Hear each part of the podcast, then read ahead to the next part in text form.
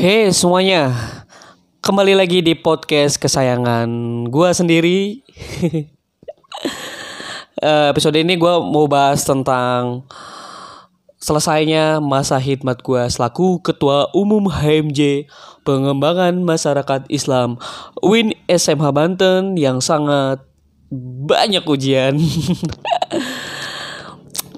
Akhirnya gue lega sih, gue hilang beban gitu kan. Jadi Kamis kemarin tanggal 19 Desember 2019 ya gue ngadain sidang pleno akhir artinya di detik itu pula gue lengser atau jadi demisioner selaku ketua umum HMJ plus pengurus gue jadi dilanjutkan oleh ketua umum selanjutnya ya gue ngucapin selamat deh buat Saiful Anwar yang terpilih jadi ketua umum HMJ PMI pengembangan masyarakat Islam masa khidmat tahun 2020. Semoga harus lebih baik lagi ya. Terus berprogres pokoknya. Cari atau membuat karakter dan warna baru lagi. Karena emang di HMJ gue banyak dicap katanya HMJ lawak. Asli sih emang gue mikir di kepengurusan gue ya selama kemarin-kemarin. Dulu waktu sekolah gue orangnya serius banget asli. Kayak di KM sosok bikin peraturan yang gimana gitu kan. Waktu SD osis apalagi sosok tegas. MPK me otoriter sekali. Dan gue dikasih kesempatan untuk KMJ selama periode ini. Ya tentu gue gue kalau masa untuk pengalaman ya salah satu pengalaman juga tapi rasanya klasik deh ya. Tapi hal yang paling gue dapat di jadi ketua umum HMJ sekarang di kuliah khususnya gue ngelihat banyak tentang ilmu politik gitu kan. Akhirnya bener-bener kayak sistem demokrasi banget. Dari mulai pemilihan umum deh. Dari mulai pemilihan umum di eh pemilihan umum tuh pemilihan umum mas pemilihan umum mahasiswa oke okay, sorry. Itu tuh bener-bener kayak pesta demokrasi banget. Seluruh mahasiswa UIN SMH Banten seluruh kampus gua. Dulu kan waktu sekolah ketika kita dipilih jadi apa ketua osis atau ketua pramuka biasanya saling tunjuk gitu kan. Gue takut takut nggak bisa gitu kan. Tapi kalau di kampus tuh beda. Sorry ya jadi rumah gue pinggir jalan. Jadi kalau lo denger ada suara kendaraan gitu kan ngeganggu banget kan. Jadi tapi suara masih jelas lah ya. Biasanya kan saling tunjuk gitu kan karena gue takut gitu takut nggak jalan apanya gitu.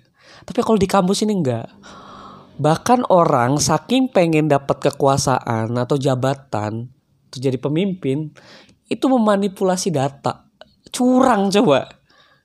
Gue baru tahu loh nggak main-main memanipulasi datanya. Kayak kemarin tuh kayak SK kayak SK internal keorganisasian gitu kan. Ada yang manipulasi. Bahkan nilai IPK yang istilahnya itu sensitif urusan kelembagaan mereka manipulasi coba. Demi dapat kekuasaan. Aneh sih. Gue baru sadar baru tahu karena emang kekuasaan itu penting. Dan ternyata itu dipraktekkan di tingkat pendidikan juga ya alhamdulillah gue gua gue nggak melakukan hal itu ya. Kalaupun ada kesempatan curang dan diperbolehkan gue nggak mau men. Rasanya kalau misalkan dia dapat karena curangan anjir dalam hati dia beban pasti. Nggak ada kepuasan. Jadi gue ketua HMJ pengembangan masyarakat Islam masa bakti tahun 2019 ya tahun 2019 pencoblosan kemarin tahun 2018 akhir. Kalau nggak salah bulan Desember. Yang sangat waduh seru sekali. Seru sekali pas peka, uh, pemilihan umum mahasiswa. Jadi emang awalnya gue tuh nggak niat pemilih atau niat mencalonkan gitu kan. Tapi berhubung karena gue juga ikut organisasi eksternal organisasi eksternal tuh ibaratnya partai politik gitu kan. Gue pergerakan mahasiswa Islam Indonesia biasanya dari organisasi eksternal itu memilih kader-kadernya milih-milih yang terbaik mana yang dicalonkan untuk maju gitu kan kalau biasanya kalau di di demokrasi atau di pemerintahan bener-bener kan kayak PDIP, Demokrat, Nasdem segala lainnya itu memilih kadernya untuk calon uh, pilgub, pilkada atau pileg gitu kan. Nah ini ini pun sama, ini pun sama. Akhirnya terpilih lah nama gue. Asli sebenarnya awal-awal gue setengah-setengah gitu kan, karena gue ngerasain capek. Gue nggak, perasaan gue nggak nggak berhenti gitu kan dari dari SD. Bukannya sombong nih ya. Gue ngerasa udah capek karena dari dulu dari zamannya sekolah selalu jadi ketua meskipun ketua dari hal yang terkecil gitu kemarin dari SD jadi KM misalkan SMP itu OSIS ketua OSIS dan Diman kemarin jadi ketua MPK ya meskipun rada kurang tanggung jawab. Terbengkalai sebenarnya karena gue pengen fokus stand up comedy waktu itu. Tapi ya udahlah ya gue ngerasa udah capek gitu kan. Tapi akhirnya dinesehatin akhirnya akhir lu naik aja. Ini amanah gitu kan.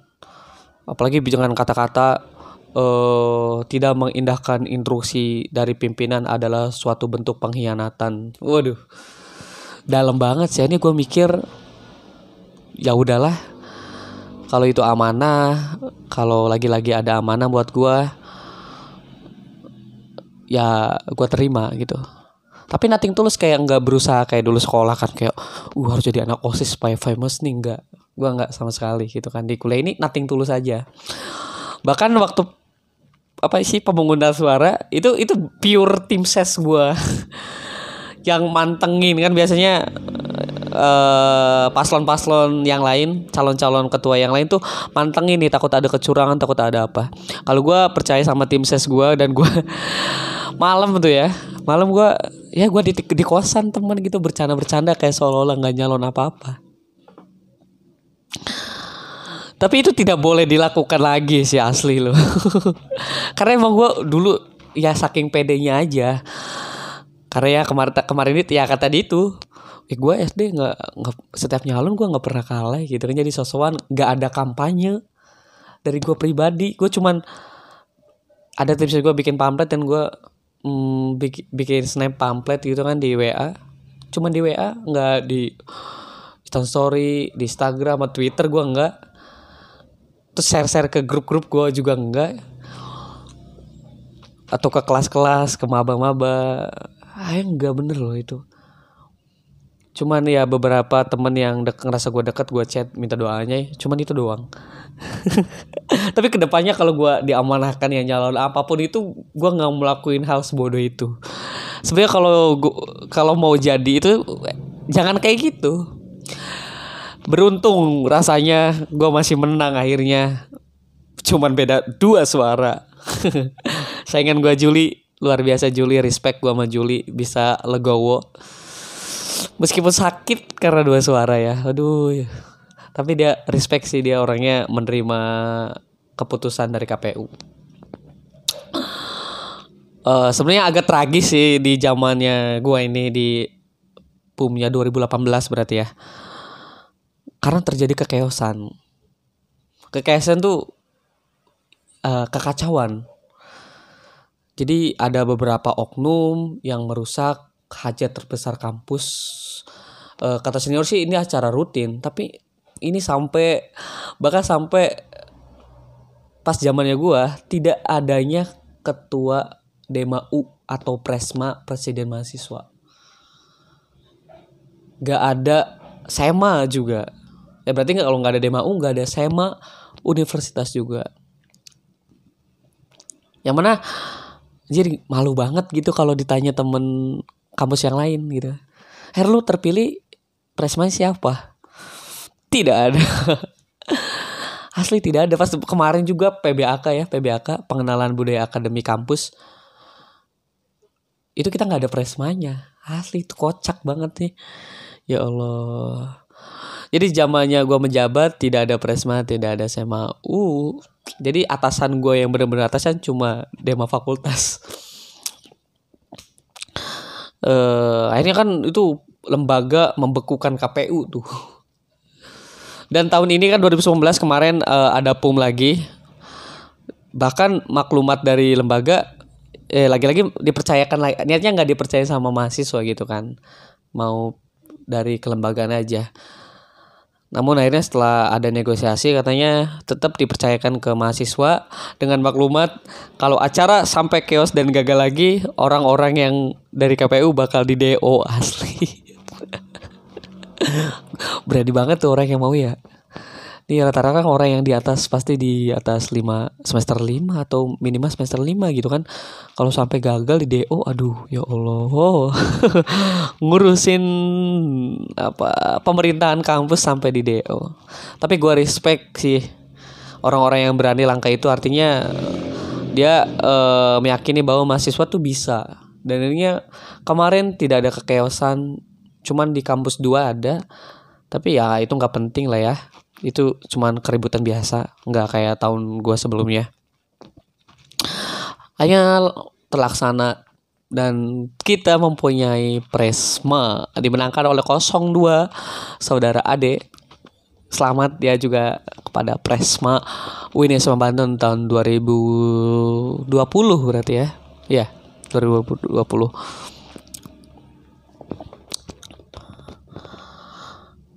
uh, jadi emang oh ya gue pengen flashback aja nih ya. Jadi pas pemilihan umum kemarin gue dipercaya jadi ketua MJ di PMI tadi itu kan. Karena emang setengah-setengah.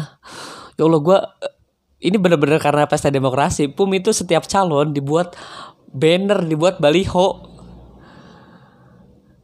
Gue ini kira cuman foto gitu doang ayo harus pakai banner. Waduh segala macam. Ya gue bangun tidur asli nih gue diminta. Karena wajib paling telat katanya hari itu. Dan gue satu-satunya calon yang ada di yang diwakilkan oleh partai gue ya dari PMI yang belum ada fotonya. Gue bangun tidur asli. Gue ya dimarahin. Karena lu lu nih udah dicalonin sama gue nih. Persyaratan gue udah yang uh, eh, gue yang handle. Lu tinggal enak doang makanya gue gak enak gitu kan gue foto bangun tidur sama sekali. Aduh cuma cuci muka di foto saat biasanya yang foto itu studio gue foto HP anjir mukanya kocak. Anak-anak bilang kata R gue milih karena bukan percaya sama lu karena muka lu ngeselin makanya gue coblos. Tuh aduh tapi mungkin taktik tak gue mikir itu taktik taktik kampanye gue kali ya. Makanya orang-orang pada ngeselin katanya makanya gue coblos makanya seri anjir gitu. Yang lain pakai dasi pakai peci dengan benar. Gue peci agak miring dasi nggak pakai. Ya allah kayak nyalon rt coba. Tapi alhamdulillah terpilih juga. Tapi ada ada berdampak nggak baik kemarin pas ribut-ribut.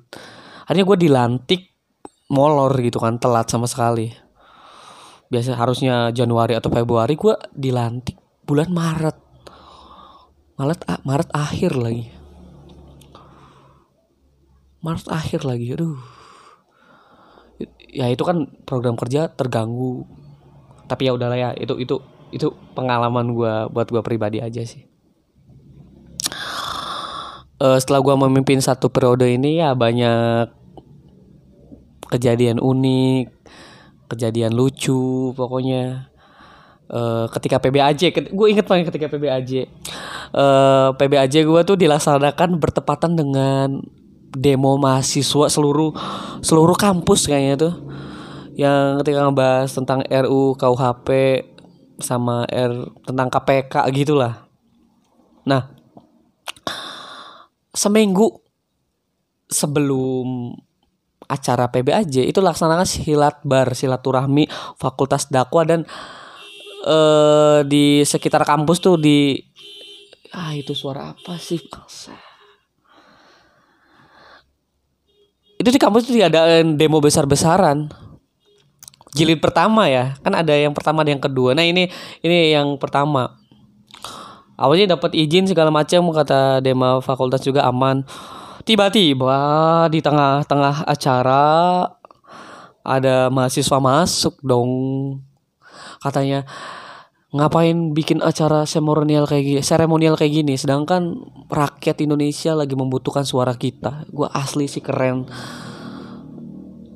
cuman katanya karena udah di dapat izin ya kenapa terjadi eh, kekeosan kayak gitu hampir aja acaranya mungkin bubar ini orang dilakukan sama aktivis uh, seniornya kampus lah ya. Makanya dia berani masuk dan mau nyuruh semua anak ayo turun segera. Tapi setelah diyakini karena gue juga ada di situ kan sebagai ketua MJ gue ngeyakini uh, selesai aja ya ini acara silat bar. Nanti pokoknya setelah ini ya gue sama ketua umum HMJ dan serta Dema gue bakal bawa anak-anak untuk bantu mereka ikut-ikut ikut demo sama mereka gitu kan. Ikut berpartisipasi lah. Hanya untung terlaksana oke lah aman. Nah seminggu kemudian ada pengumuman mungkin dari pusat dari kampus seluruh Indonesia ya. Bertepatan dengan uh, acara demokrasi lagi, acara demo besar-besar lagi bertepatan dengan acara PBAJ gua. Tepat pas malam gua lagi dekorasi di aula. Tuh ada tuh, ini gua gua gua kenal orangnya ngobrol gitu kan. Dia nanya, "Ini acara apa lagi, Her?" gitu kan. Acara PBAJ. Oh, bagus tuh. Ya udah, uh, eh, PBAJ paginya agak siangnya nanti ikut kita ya demo. Waduh ya bukan apa-apa sih gue mikirnya ini anak kalau diajak demo nanti kecapean PB aja kan di, dilaksanakan tiga hari ya. Jadi gue jadi gue ngambil hari itu satu hari di kampus dan dua hari lainnya berangkat ke tempat outbound gitu kan. Aduh gue mikir ntar di anak-anak pada kecapean, pada pulang, acaranya bubar, PB aja tidak terlaksana. gue dimarahin kajur pastinya. Makanya dia mau udah nggak apa-apa bikin acara tapi yang jelas sehabis itu ikut kita gitu berdemo berdemo gitu kan ke alun-alun kalau nggak salah. Hmm gue mikir kan waduh ini serius nih. Soalnya jadwal udah diromba udah udah dibuat segala sedemikian rupa pemateri udah dikontek eh terus materi-materi dan anak-anak udah dipersiapkan tapi lah kayaknya harus diubah detik malam itu juga ya deg-degan gitu kan. Takutnya ada info. Biasanya kan waktu kemarin anaknya yang nggak ikut partisipasi diambil-ambil supaya ikut demo. Wajar sih gue ngerti. Karena emang orang ini peduli banget untuk bangsa kita. Tapi satu sisi gue juga punya tanggung jawab gitu kan. Kalau sampai acara PBAJ nggak jadi ya anak-anak betapa kecewanya ke gue selaku ketua umum. Gue bayangin di posisi itu gue ribut ribet banget. Gue takutnya dibubarin malah. Pas lagi acara pemateri ah gue nggak bisa bayangin. Akhirnya bikin planning segala macemnya. Jumat gue rasa sebelum sholat Jumat anak-anak dipindahin dulu di di masjid terdekat kampus. Kita sholat Jumat juga di luar. Dan ini nggak ada. Ini tapi gue tetap ikut demonstrasinya. Ada beberapa perwakilan dari HMJ dari jurusan gue itu sih nggak bisa dibayangin sih soalnya banyak cerita juga. Eh, mungkin lo juga peng punya pengalaman teman kampusnya dibubarin. Gue pernah ngeliat langsung acara seminar apa gitu kan dibubarin. Emang karena itu dari partai politik kalau nggak salah. Luar biasa respect sih kampus gue tuh aktivisnya. Mengerti banget. Uh, terus banyak program kerja yang aduh gue ngerasain luar biasa gitu. Kayak pesantren Ramadan. Jir gue pesantren kilat. Gue pertama kali minta sumbangan sumbangan di jalan tuh untuk donasi donasi apa yatim piatu. Awalnya gue tuh orangnya asli meskipun suka organisasi tiba agak gengsian gitu kalau minta-minta di jalan. Tapi gue ngerasain. Dan respect pokoknya.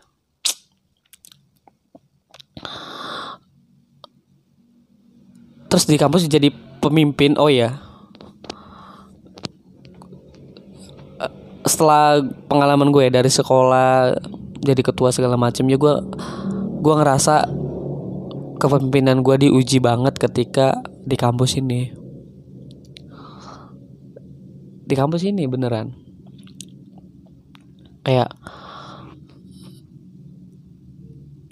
uh, memimpin orang-orang yang udah dewasa itu sulit banget gini deh awalnya emang ekspektasi di ham jurusan tuh gue sebagai anggota awalnya gede banget.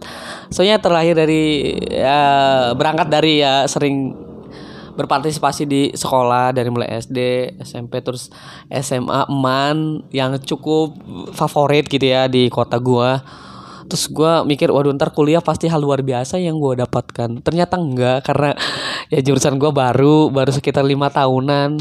Ekspektasi pengen uh, ada proker luar biasa nih orang-orangnya uh, kayak gimana? Aktivis banget nih. Ternyata tidak sesuai tapi gue nerima itu. Gak ngerasa eh, kok eh, kok HMJ cuman gini doang gitu kan cuma gini doang. Terus karena emang gue ngerti emang di kuliahan biasanya banyak orang yang dulu aktivis ketika di kampus itu kendor. Gue gue ngelihatnya gitu ya. Dan gue itu gue juga gue sebagai pribadi juga ngerasain sebagai ketua. Makanya gue nggak terlalu berbuat kayak dulu. Ini buat ada adik kelas gue buat ada adik tingkat gue kayak ngerasa lu dulu ketika SMA lu atau di pondok pesantren lu hal luar biasa ketika di jurusan di Dema nggak ter gak usah terlalu ekspektasi besar gitu kan. Lu buat sedemikian sebagus mungkin tapi kalau untuk kayak urusan kumpul urusan rapat yang bener-bener intens karena gue ngeras ngerasanya itu ya apa mungkin karena gue karena masih di HMJ dan uh, jurusan gue baru anak-anaknya juga mungkin baru gitu kan. Setelah gue data juga nggak uh, banyak yang dulunya bener-bener osis atau aktif di di sekolahnya dulu. Makanya gue maklumin ketika uh, rapat dulu berani tuh gue bentak-bentak anak-anak tuh. Sekarang gue enggak malah gue karena mungkin uh, terbuat image stand up komedian gue kan lucunya loh. Kan ketawanya di rapat segala macam ini dalam artian rapat yang uh, umum ya rapat yang umum. Bahkan pleno kemarin sih banyak ketawanya sih. Tapi tetap kalau urusan program kerja urusan masalah administrasi kegiatan itu tetap lancar. Tetap nggak ada nggak boleh sebercanda itu ya. Tetap terlaksana juga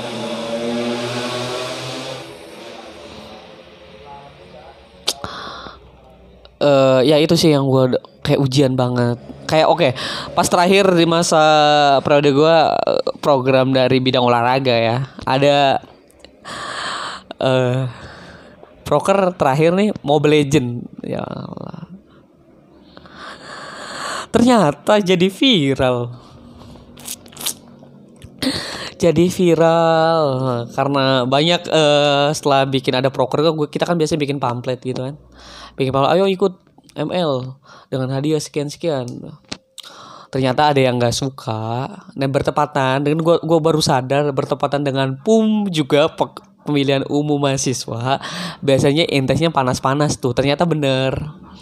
Setelah pamflet naik ada yang bikin pamflet lagi untuk uh, mengkeoskan proker gua itu yang ML yang katanya uh, ini program kerja mencabuli mahasiswa tidak mendidik. Astaga padahal orang yang bikinnya penggila Mobile Legend. Aduh gue bingung banget sama orang kayak gitu. Asli. Asli lo bener. Kalau katanya ini kan kritikan. Ya maksudnya kalau lu bener lu respect ke jurusan gue ini masalahnya bukan apa apa sih. Meskipun dia menamakan pribadi dia tuh atasan gue dia tuh dia tuh anak demas dia bersekekeh ini bukan atas nama lembaga bukan atas dengan dema aduh ada yang aja nih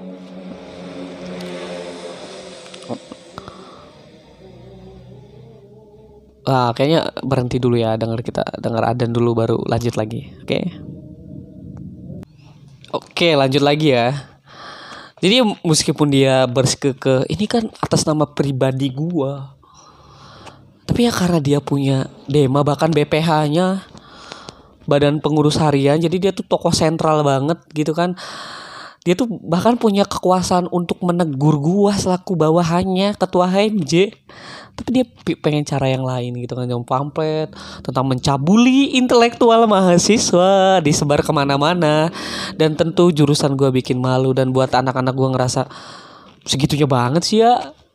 Kan bisa ngobrol dan gue juga kenal ya meskipun nggak deket kenal baik sama dia. Karena biasanya dia kalau ada surat dari Dema itu melalui dia apa susahnya sih coba gitu maksud gue tapi informasi yang di luar sana menganggapnya kalau gue tidak menerima kritikan ya maksudnya ya ayolah lu kan punya wewenang karena ngobrol baik-baik gitu kan biar saling enak.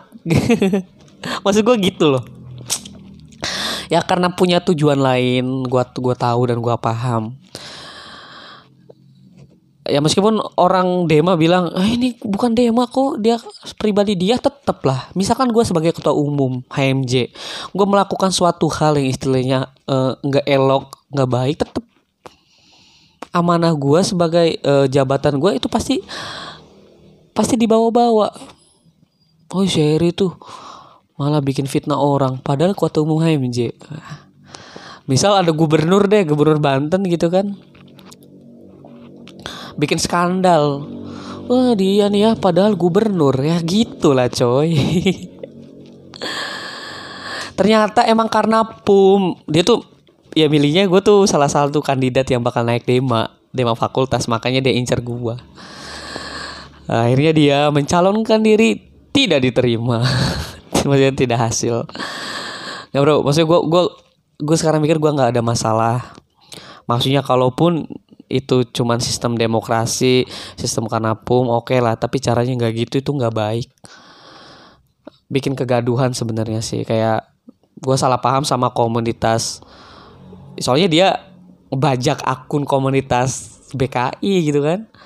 Sehingga gue gua ada salah paham. Tapi dia bersikeras nggak mau minta maaf. Itu sih yang disayangkan banget. Padahal kalau dia cuma uh, her gue minta maaf sama lu sama anak jurusan pengembangan masyarakat Islam gue bikin itu gue hilap.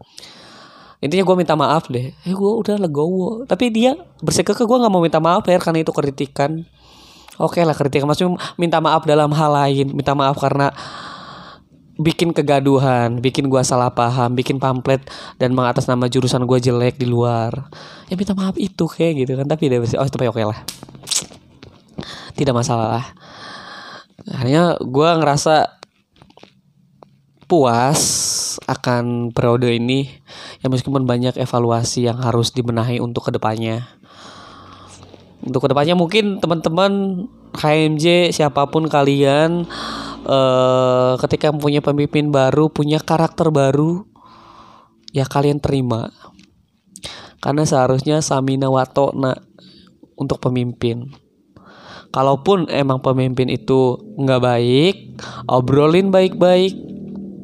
Jangan sampai menjas orang lu nya sih jadi pemimpin gak bener. Waduh. Itu itu itu nggak boleh. Kemarwahan ketua siapa pun ya.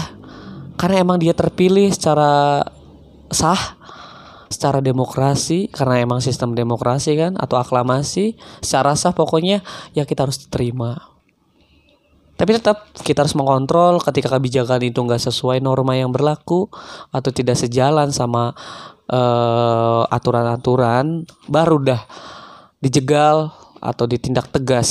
Kan di situ juga ada PAO atau pengaman yang lainnya atau dilaporkan nggak apa-apa ke atasannya yang bisa uh, menegur dia gitu kan. Uh, untuk calon-calon ketua selanjutnya amanah itu besar menurut gue uh, sesek komedi komedinya gue sesuka sering-seringnya gue bercanda gue untuk amanah gue ngerasa itu itu hal yang sakral tau kan? Karena gue disumpah jabatan kayaknya kalau gue nggak amanin nggak amanahin dengan sepenuh hati tanggung jawab aduh gue berdosa banget.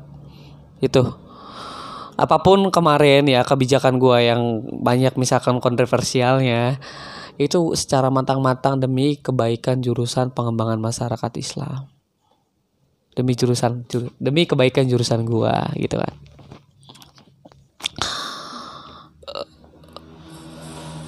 Uh, ya terima kasih banyak.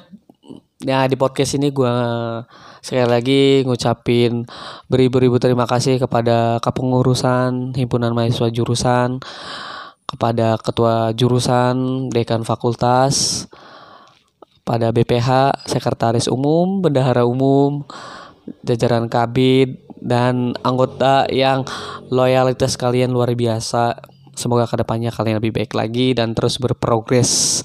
Untuk saya Pul Anwar, semoga uh, memiliki jajaran-jajaran yang penuh komitmen kepada uh, jurusan kita. Ya, semoga terus berprogres dan membuat jurusan kita lebih terkenal karena emang PMI pengembangan masyarakat Islam. Luar sana taunya PMI itu palang merah Indonesia. Gue sedikit-sedikit pengen memperkenalkan. Tinggal di angkatan kalian lagi yang supaya apa ya jurusan kita tuh lebih dikenal lebih tahu. Proker-proker sih yang paling utama ya. Dengan program kerja kalian jalan dengan baik maka orang-orang bakal tahu juga. Oke sukses terus ya. Good luck pokoknya. Thank you